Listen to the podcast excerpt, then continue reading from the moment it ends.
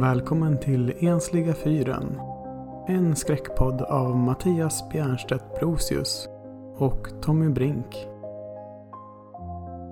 Låt oss vara din ledstjärna här i mörkret medan vi berättar sällsamma berättelser från andra sidan.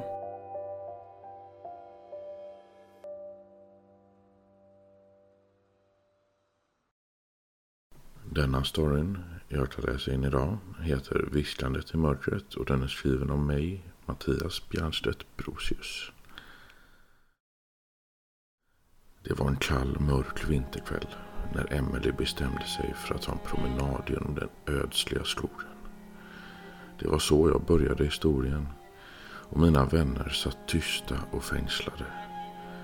Emelie var alltid på jakt efter äventyr och hon skrattade åt spökhistorier och övernaturliga skräckberättelser. Hon var fast besluten att bevisa att det inte fanns något att vara rädd för. Ah, typiskt Emily, kommenterade en av vännerna. Ja, precis, sa jag och fortsatte. Så hon gick in i skogen och det tog inte lång tid innan tystnaden omgav henne. Snön dämpade ljuden av hennes fotsteg och träden stod som mörka jättar mot en stjärnklar himmel. Emelie kände sig allt mer obekväm, som om något hotande var närvarande. En annan vän rynkade pannan och undrade. Vad hände sen då? Här började riktigt den otäcka delen, sa jag med en dyster ton. Emelie kände en obeskrivlig kyla krypa över henne och snart hörde hon en svag vissling i vinden. Rösten försökte säga hennes namn, men det var knappt hörbart. Vännerna bytte oroliga blickar med varandra medan jag fortsatte. Visslingarna blev högre och mer intensiva och det verkade komma från alla riktningar. Emily, Emily, sa de. Och när hon vände sig om för att försöka lokalisera källan till rösterna fanns det ingenting där. Skogen omkring henne hade blivit en labyrint av träd och snö. Och Emily var vilse. Och vad hände då? då? Frågade en av vännerna med en skälvande röst. Emily började springa i panik. Men skogen verkade motarbeta henne. Träden tycktes röra sig som levande varelser och snart insåg hon att hon aldrig skulle hitta vägen ut. Viskningarna övergick i en dyster sång som om en osynlig kör sjöng om hennes öde. Mina vänner var tydligt obehagade nu men jag kunde inte sluta berätta historien. Till sist, helt utmattad och förtvivlad, kollapsade Emelie i snön. Där i mörkret hörde hon den sista viskningen, närmare än någonsin rakt vid sitt öra. Emily, nu är du vår. En tystnad sänkte sig över rummet när jag avslutade historien. Ingen sa ett ord. Men alla kände en skrämmande kyla krypa över deras ryggar. Emily hittades aldrig igen. Och det sades att skogen hade tagit henne. Att hennes själ nu vandrade som en förlorad skugga bland trädens svarta skepnader redo att locka in andra i dess kalla, skrämmande omfattning. När historien hade nått sitt obehagliga slut var rummet fyllt av en tyst, tryckande stämning. Vännerna satt där, nästan som om de fruktade att ljudet av sina egna andetag skulle locka till sig det oförklarliga som hade svept bort Emily. Efter en stund bröt en av vännerna tystnaden. Det här kan inte vara på riktigt, eller hur? Det måste vara en skräckberättelse, en myt. Jag nickade och log svagt. Visst. Det låter som en skrämmande historia man skulle kunna höra runt lägerelden. Men det märkliga är att efter den kvällen i skogen hittades Emelies kropp aldrig igen. Ingen vet vad som hände med henne. Hennes familj sökte desperat. Men det var som om hon hade försvunnit i det okända. En annan vän skakade på huvudet. Det måste finnas en logisk förklaring. Emily kan inte bara ha försvunnit sådär. Kanske bara att hon ville bryta med sitt gamla liv och försvann frivilligt. Jag nickade och höll med om det logiska perspektivet. Ja, det är möjligt. Men det finns något skrämmande med hela berättelsen. Många som besökt den skogen säger att de har känt en närvaro, hört viskningar och sett skuggor. Det är som om skogen har en mörk och olycksbådande aura. Vännerna satt tysta en stund till. Tveksamma om de skulle starta av sig berättelsen än om den skulle hemsöka deras tankar. Till sist beslutade vi att lämna ämnet. Men ingen av oss kunde helt släppa känslan av olust och förlorad försvannhet som historien om Emily hade väckt. Berättelsen om Emily och hennes öde i den ödsliga skogen skulle fortsätta att cirkulera i vårt sällskap. Alltid som en påminnelse om det oförklarliga och skrämmande som lurar i det mörkaste hörnet av världen. Bortom vår förståelse och kontroll. Nästa berättelse heter När livet inte räcker till. Den är skriven och uppläst av mig, Tommy Brink. Detta hände för flera år sedan nu. Och trots händelserna har jag försökt att ta mig tillbaka flera gånger utan att lyckas. Det hela började när jag slösurfade runt på sociala medier. Och i flödet dök upp den här kvinnan som tittade in i kameralinsen från sin sida rakt på mig. Det var ögon jag inte kunde slita mig ifrån. Jag läste texten till bilden. Vad har dina ögon sett som ingen annan har sett? Det var en enkel fråga och jag kunde scrollat vidare därifrån. Men något med hennes blick fick mig att vilja svara trots att jag inte trodde att hon skulle se det.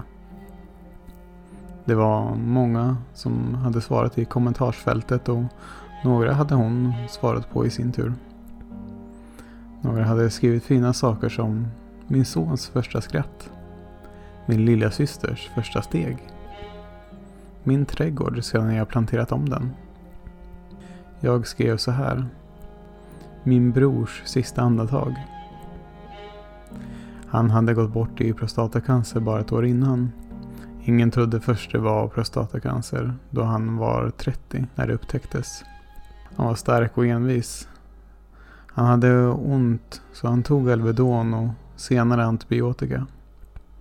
Men när det gått ett bra tag utan att bli bättre så undersökte de närmare och då kom de fram till att det var cancer. I sin envishet hade han gått eh, med det här alldeles för länge och det hade spridit sig till närliggande organ. Man försökte hjälpa honom att bromsa det hela, men det hjälpte knappt. Den sista tiden var han hög på smärtstillande innan han gick bort i sin säng. Jag satt bredvid honom i skift med mina föräldrar. Och en av kvällarna jag satt vid hans sida gick han bort. Jag var sjukskriven från jobbet ett bra tag efteråt. Men även efter jag kom tillbaks så tänkte jag ofta på honom. Vi hade varit väldigt nära varandra och delat problem med varandra under hela uppväxten. Så nu var världen lite tommare. Jag försökte fortfarande hitta mitt fotfäste i den.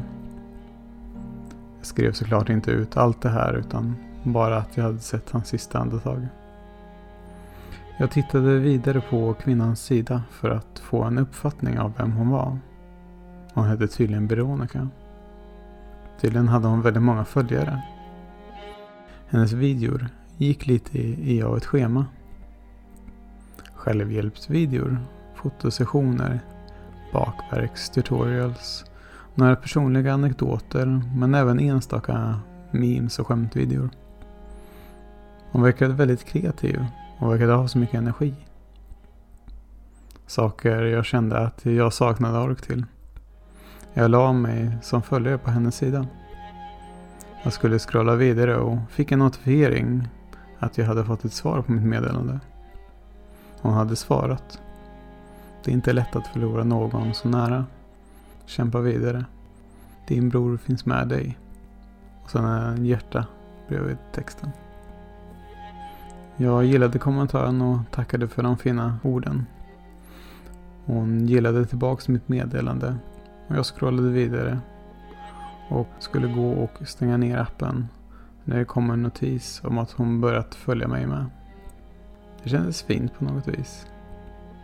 Dagarna gick och jag gillade många av hennes poster och försökte komma med lite positiva kommentarer på hennes inlägg. Jag fick allt som oftast någon fin kommentar tillbaka och ett gillande av mitt meddelande. Och de få inlägg jag själv gjorde på min sida fick också gillanden och fina kommentarer från och till. Det, det kändes som jag lärde känna Veronica mer och mer vart efter dagarna gick. Hon hade en del inlägg från där hon bodde. Och det verkade vara som en stor herrgård. Någon hade frågat i en kommentar. Hur stort bor du egentligen? Då hade hon svarat att hon ärvt godset hon bodde i. Men hade själv växt upp i mindre privilegierade omständigheter. Jag kan gå igenom det i ett kommande inlägg. Tack för att du frågade. Det var länge sedan jag gick igenom det nu. Och eh, trogen till sitt ord så kom dagen efter ett inlägg där hon gick igenom hur hon och hennes mor växt upp i en lägenhet i utkanten av en storstad och haft svårt att få ekonomin att gå ihop. Men löst det hela med varandras hjälp. När hon var 19 år så fick de ett brev om att morens bror, som hon hade sagt upp kontakten med för många år sedan, hade gått bort. Och han hade låtit henne ärva godset samt flera andra tillgångar. Det kom ett långt brev där brodern urskuldat sig för hur han hade varit och att i sin bortgång kanske han delvis kunde läka några av de såren han hade varit med och skapat. Och gick inte in på vad som hade hänt dem emellan. Men tydligen ska arvet ingått med ett arvode som skulle hålla bostaden i deras ägo i flera år. Det hela sammanföll med ett par andra lyckosamma händelser. En löneförhöjning för hennes mor och startandet av Veronicas egna första modelljobb. Vi hade så stor tur att vi var tvungna att nypa oss i armarna varje kväll innan vi gick och la oss, skrev hon. Men trots denna uppgradering av livskvaliteten så har vi haft våra ups and downs ändå. Folk som försökt ta sig in till oss, stalkers helt enkelt. Ett tag varslade de massa folk på mammas jobb. Så vi började fundera på att sälja stället. Men hon fick som tur var behålla jobbet. Jag har som tur fått många fina människor här som följer mig. Så det har till slut också blivit till en inkomst. Jag brukar inte ta upp de här sakerna med huset så ofta. Då det kanske ses som skryt. Jag ville hellre fokusera på mitt skapande i mina inlägg. Jag svarade något i stil med att eh, jag var glad för hennes skull med huset och så. Och hoppades att hon snart skulle slippa stalkersarna. Jag förväntade mig inget svar på det, men hon svarade och tackade för de fina orden. Mitt liv i övrigt var ganska monotont. Jag åkte ibland över och såg till mina föräldrar och hjälpte dem med ärenden. I övrigt åkte jag till ett jobb jag studerade till, men halvvägs in i studierna kom jag på att jag inte gillade. Men tyckte då att det var för sent för att byta ny bana och fann mig i det istället. Livet gick sin gilla gång medan jag sörjde min bror. Saker jag hade velat säga och dela höll jag för mig själv mer och mer. De vänner jag hade träffade jag mest på krogen eller på någon enstaka biovistelse. Jag fortsatte följa Veronica på sociala medier och en dag föreslog hon möjligheten att träffa några av oss utanför alla apparna. Hon sa att hon bokat ett rum på ett hotell och skulle förbereda mat, bakverk och ville få tips på vad folk ville höra henne ta upp på ett sånt event. Hon sa också att rummet hon skulle boka också skulle ha plats för ett begränsat antal personer. som skulle skapa en tävling inom kort för att komma med och träffa henne. Dock skulle allt streamas och hon skulle ha förberett personer som kunde hjälpa henne med att ta frågor från de som inte var med på plats också. På ett sätt kändes det som lite mycket ståhej. Men på ett annat vis kände jag att det kunde vara ett bra sätt att träffa nya människor. Så när tillfället kom sökte jag att komma med i tävlingen för att få träffa henne. Tävlingen bestod mest om frågor om hur väl man kände till henne. Och hon var ganska transparent med att det var mest för att sålla bland vilka som helst ville träffa henne.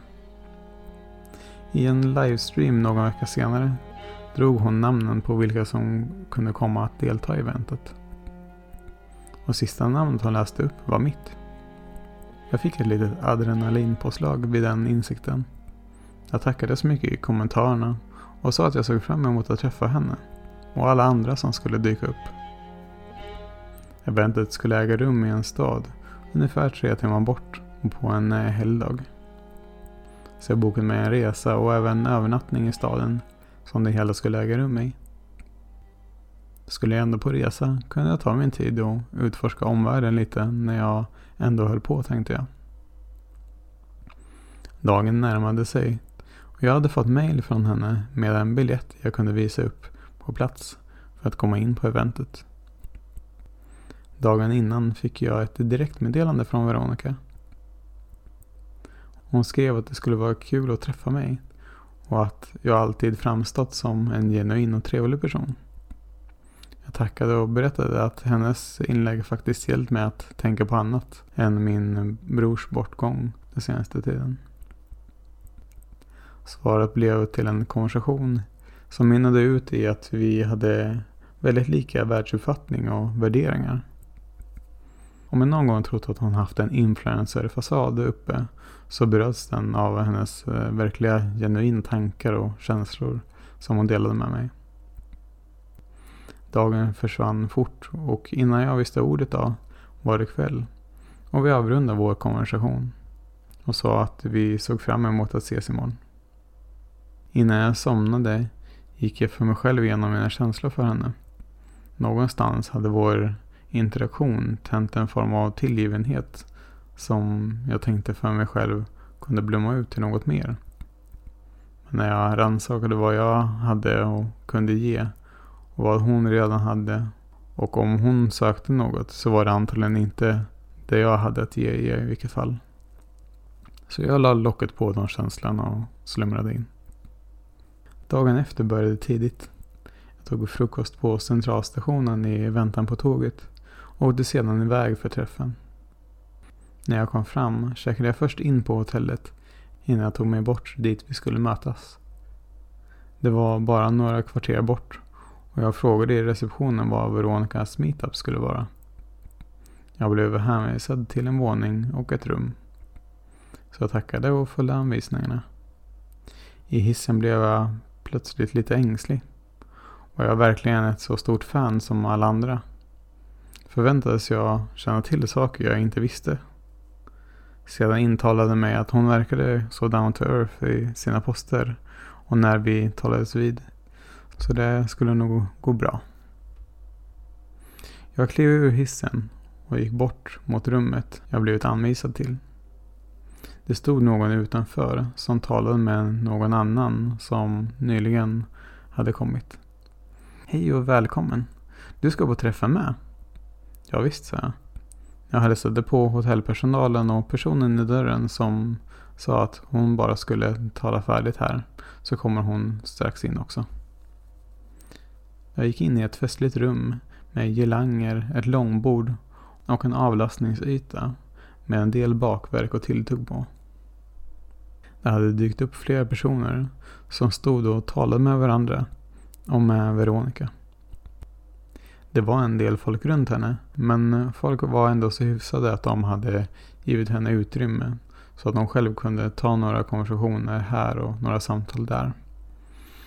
Någon kände hon igen och när hon kom till någon som inte talat med innan sträckte hon ut armarna efter en omfamning verkade tacka för något fint meddelande eller interaktion hon haft med dem.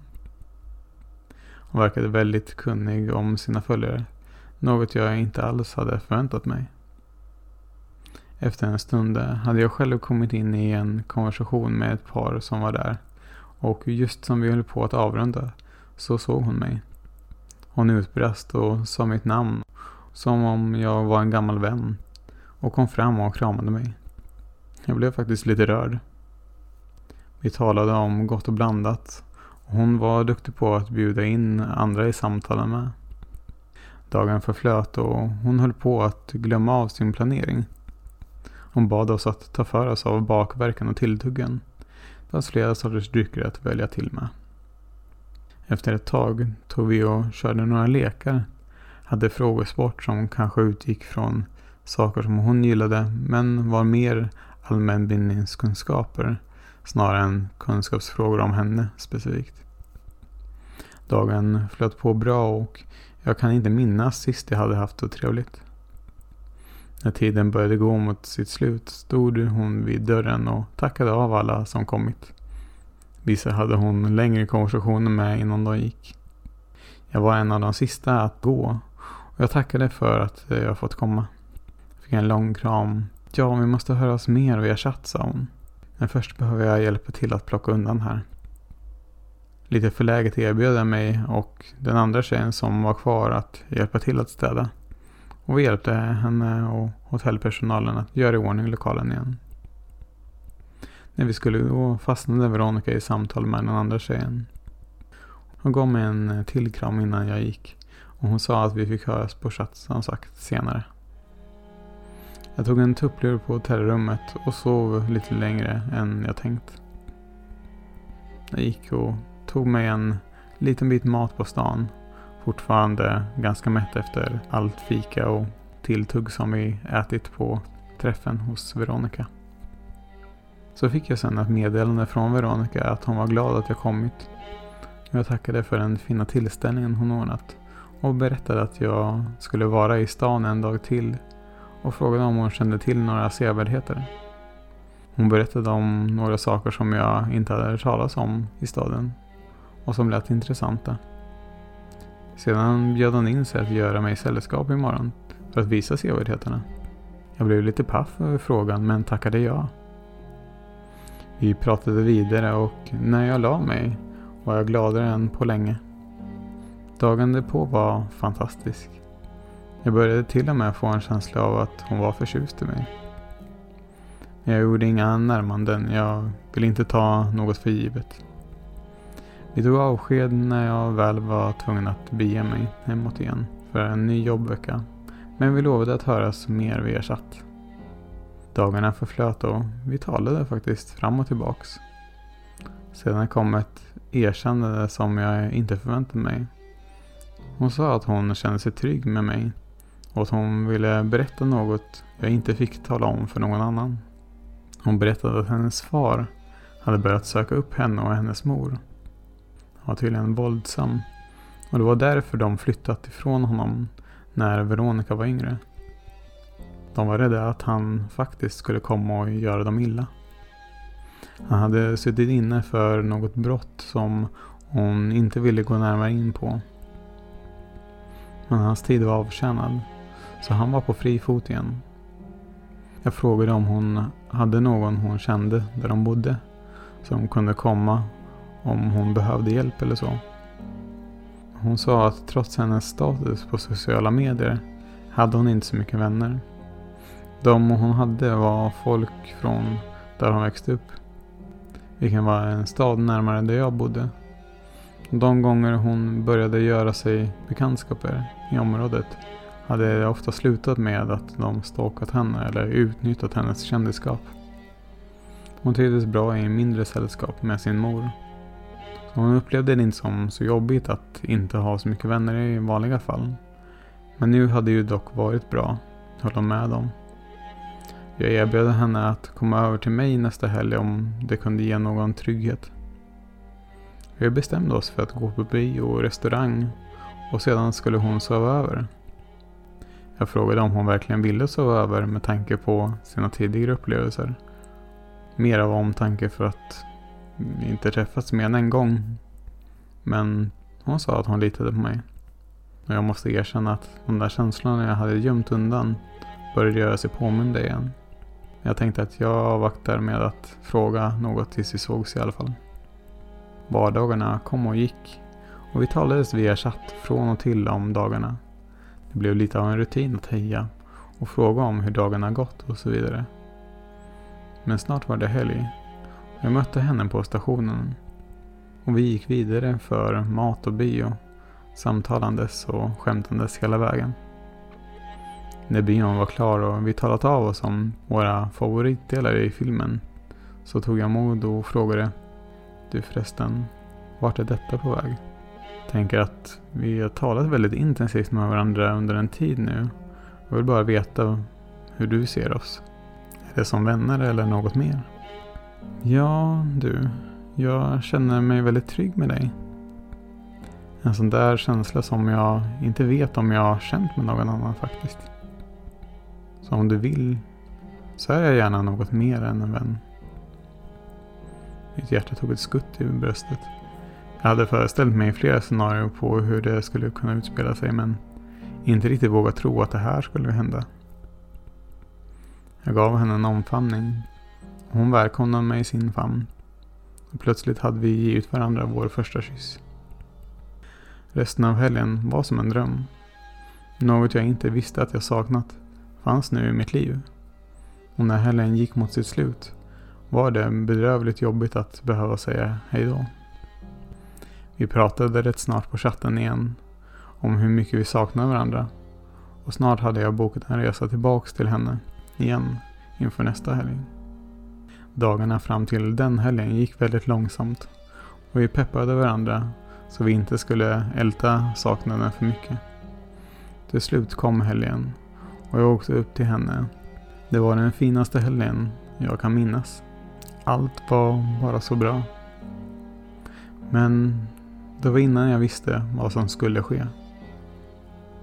Under veckan som kom så fortsatte vi våra samtal över chatten.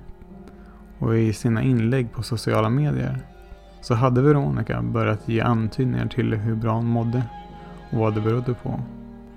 Men hon sa ingenting uttryckligen än. Vi hade ju bara dejtat några gånger än så länge. Det kändes bra men jag förstod att det kunde få ta sin tid innan vi skulle berätta som det var. Plötsligt i mitten av veckan slutade Veronica att höra av sig. Hennes inlägg på sociala medier hade också slutat. Jag började befara det värsta. Så jag försökte ringa henne och hennes mor som jag också hade fått numret till. Men inget svar kom från någon av dem. Jag började oroa mig för att det hänt om något. Jag försökte komma på om jag kände någon i närheten som kunde åka över och se till henne. Men det fanns ingen som bodde nära nog. Jag ringde polisen och frågade om de kunde skicka någon att titta till dem. Skulle jag få tillbaks att de mådde bra men inte ville svara så kunde jag dela med det. Men var de i någon fara så hade jag inte förlåtit mig för att inte ha försökt rädda dem i alla fall. Jag ringde polisen och förklarade situationen och sa att om inte Veronica hade anförtrott mig med info om hennes pappas bakgrund så hade jag antagligen väntat med att höra av mig. Efter att jag lovat att om de mådde bra så skulle jag inte höra av mig mer så lovade polisen i andra änden att de skulle skicka en bil för att göra en säkerhetskontroll. Jag gav dem mitt nummer och de skulle höra av sig för att bekräfta om allt var lugnt eller inte. Det tog ungefär en och en halv timme innan jag fick något svar. Tiden kändes som om den stod still. Jag försökte ringa Veronica via någon av chattapparna under tiden. Men utan resultat. När polisen väl hörde av sig sa de att de inte kunde se om någon var hemma. Allt var släckt och de fick ingen respons. Så de kunde inte göra något än. Men de skulle kontakta Veronicas pappa för att få ett alibi om det skulle visa sig att det begåtts ett brott. De tog även händelseförlopp från mig igen sedan jag ringde. Antagligen för att styrka mitt alibi utifall att det skulle komma fram till att brott hade begåtts. Jag började befara det värsta. Jag försökte sova men hörde mest mitt hjärta bulta. Till slut fick jag några timmars sömn. Jag drömde att Veronica skrev till mig och bad mig komma och rädda henne och hennes mor. De var i en källarlokal i drömmen och kunde inte ta sig ut. Jag sprang och försökte hitta till tågstationen men kom aldrig fram. Folket i drömmen var så många att det inte gick att komma fram till något tåg. Den morgonen packade jag mina tillhörigheter och sjukskrev mig från jobbet. Sedan tog jag första bästa tågresa bort mot staden Veronica bodde i. Utanför fönstret rann regnet ner längs med fönsterrutan och vinden ven. Jag kunde föreställa mig Veronicas högsta toner från när hon skrattade till sist vi sågs. Det var som att hon var i vinden utanför och skrek av helt andra anledningar nu. Jag försökte stänga ute de hemska tankarna med musik. Jag satte i lurarna i öronen och hörde tonerna av ett gammalt band spela. To the center of the city, where all the roads meet, waiting for you. Men när jag väl kom fram var det uppehåll. Men himlen var fortfarande jämngrå. Jag tittade i telefonen som att försäkra mig om att jag inte drömt allt. Men verkligheten stirrade tillbaka mot mig i obesvarade textmeddelanden.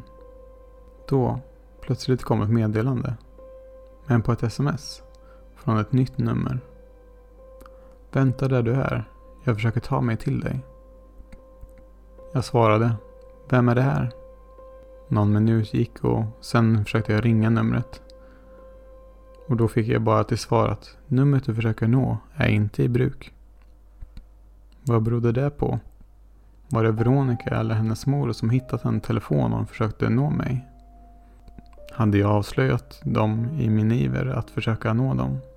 Jag väntade för säkerhets skull och tog en korv på en pressbyrå i närheten. Om det mot förmodan var hon så skulle jag vänta ett tag. Det hade till slut gått en timme. Slog det mig att det kunde vara hennes pappa som försökte sinka mig med. Om de kom hit skulle de nog kunna lösa ut en ny telefon och kontantkort för att kunna ringa mig, tänkte jag. Så jag begav mig med kollektivtrafiken till Veronicas hem. Jag försökte se om någon var utanför. Men det fanns ingen där. Jag gick runt huset för att se om jag kunde se någon röra sig där inne.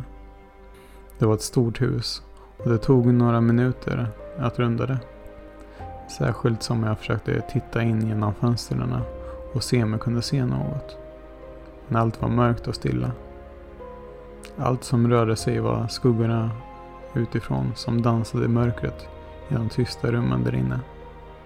När jag klargjort att det inte fanns någon där inne så inväntade jag brus från den närliggande vägen och sedan tog jag och krossade en ruta för att ta mig in. Jag kunde öppna fönstret inifrån efter att ha lirkat lite grann och kröp sedan in efter att jag fått upp fönstret. Jag tände lampan på mobilen och gick längs de mörka korridorerna. Strax hörde jag ett tjut. Jag hörde mig själv utbrista. Veronica! Tjutet gick över i en visslande illning som verkade komma utifrån. Jag insåg att det nog måste varit vinden utanför. Husets väggar var höga och korridorerna kändes stundvis ändlöst långa där jag gick. Halvt sökandes och halvt på min vakt. Efter ett tag kände jag mig iakttagen.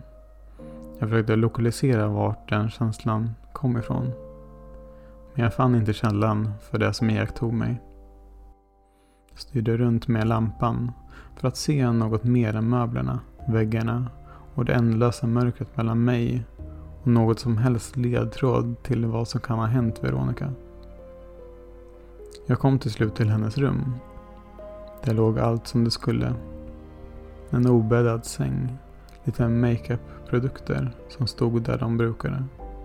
Ett par plagg låg över ryggstödet på en stol.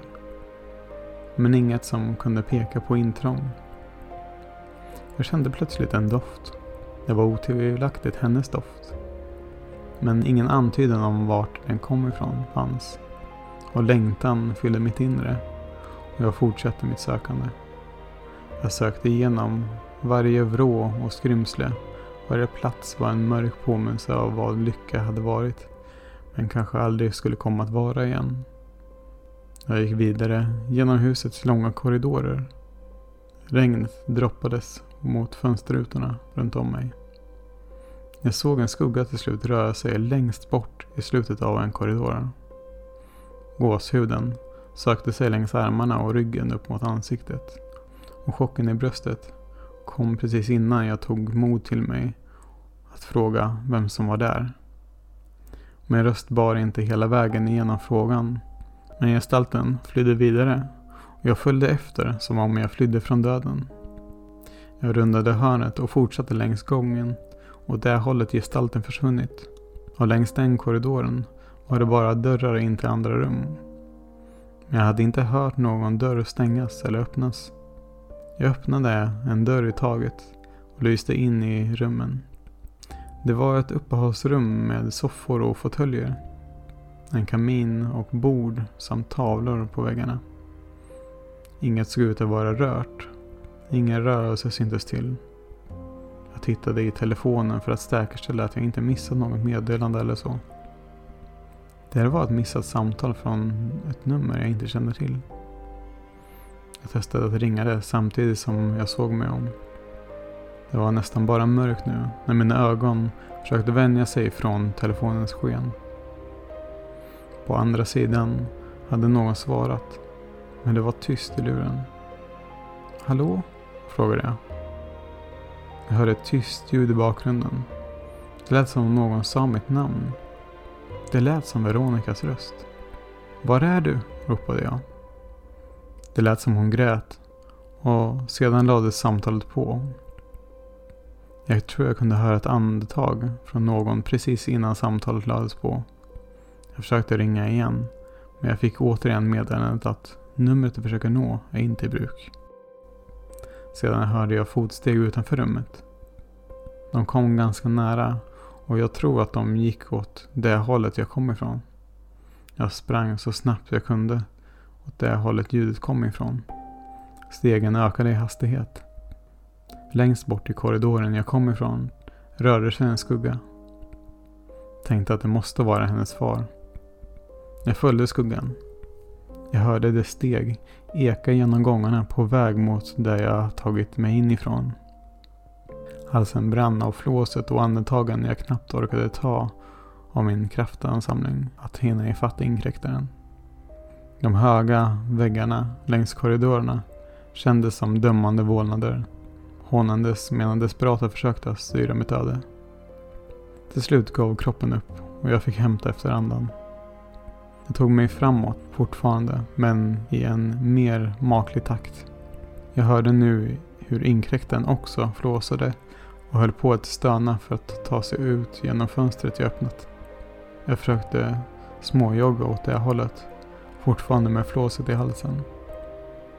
När jag kom fram till rummet så såg jag baksidan av en manskropp försvinna ut genom fönstret.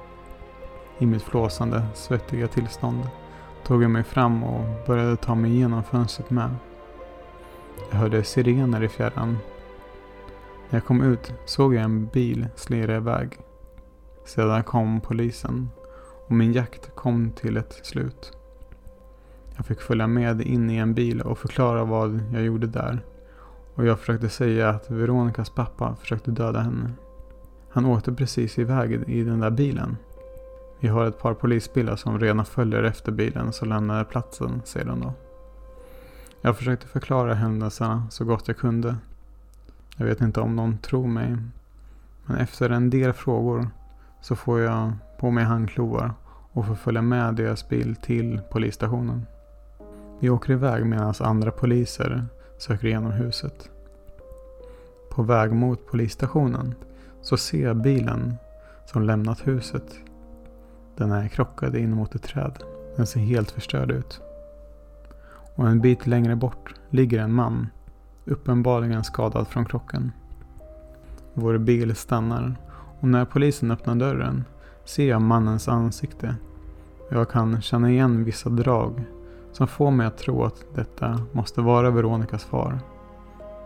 Jag hör väldigt svagt men han lyckas väsa fram att hon är kvar i huset men ni kommer aldrig hitta henne. Sedan sluts hans ögon och han gör ett sista andetag.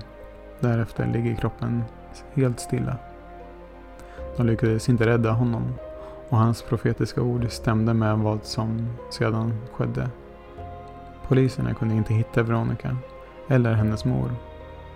De letade rätt på ritningarna till huset men kunde inte hitta dem trots att de hittade flera gömda rum. Jag fick chansen att visa dem runt i huset där jag hade gått och visa vart jag hörde pappan och där jag fick samtalen i telefonen. På samma ställen jag var när jag fick samtalen ringde faktiskt min telefon på nytt. Kårarna gick längs kroppen igen. Men denna gången hördes ingen på andra sidan. Polisen eftersökte numren men ingen ägare kunde hittas. De tillhörde ingen och det kunde inte hittas någon trafik på dem heller. När poliserna tog och diskuterade något kunde jag i fjärran höra Veronikas röst som kallade. Men ingen annan verkade höra den. Den tystnade dock väldigt fort. De följde mig runt i huset en vända till så att jag fick leta själv. Men jag kunde inte hitta dem. Men jag kände hela tiden att jag, bara jag fick lite mer tid så skulle jag hittat dem.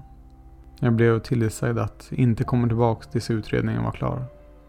Jag hade mardrömmar om att jag var en hårsmån från att hitta Veronica och hennes mor. En morgon vaknade jag till ett meddelande från Veronica. Varför har du givit upp? Jag längtar efter dig. Jag svarade, vart är du?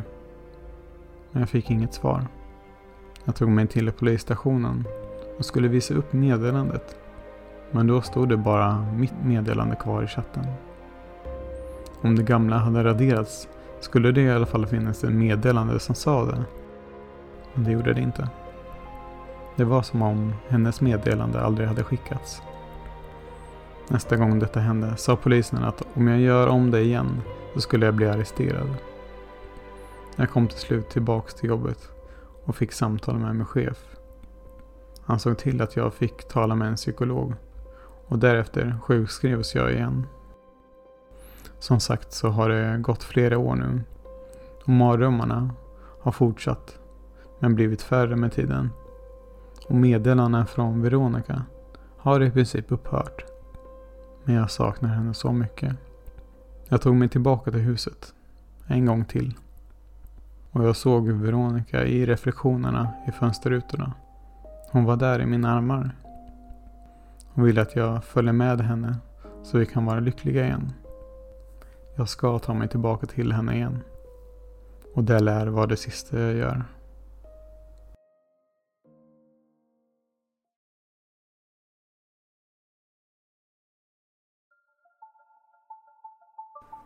Då är avsnittet slut för den här gången. Men vi håller ljuset på här för er tills nästa gång. Vill du nå oss och dela en berättelse eller något annat gör du det bäst på vår mail d3n ensliga4 gmail.com eller på vår Facebook-sida Ensliga 4. Eller vårt Instagramkonto, också Ensliga 4. Vi siktar på att släppa minst ett avsnitt per månad. Detta var Mattias. Och Tommy. Vi tackar för den här gången.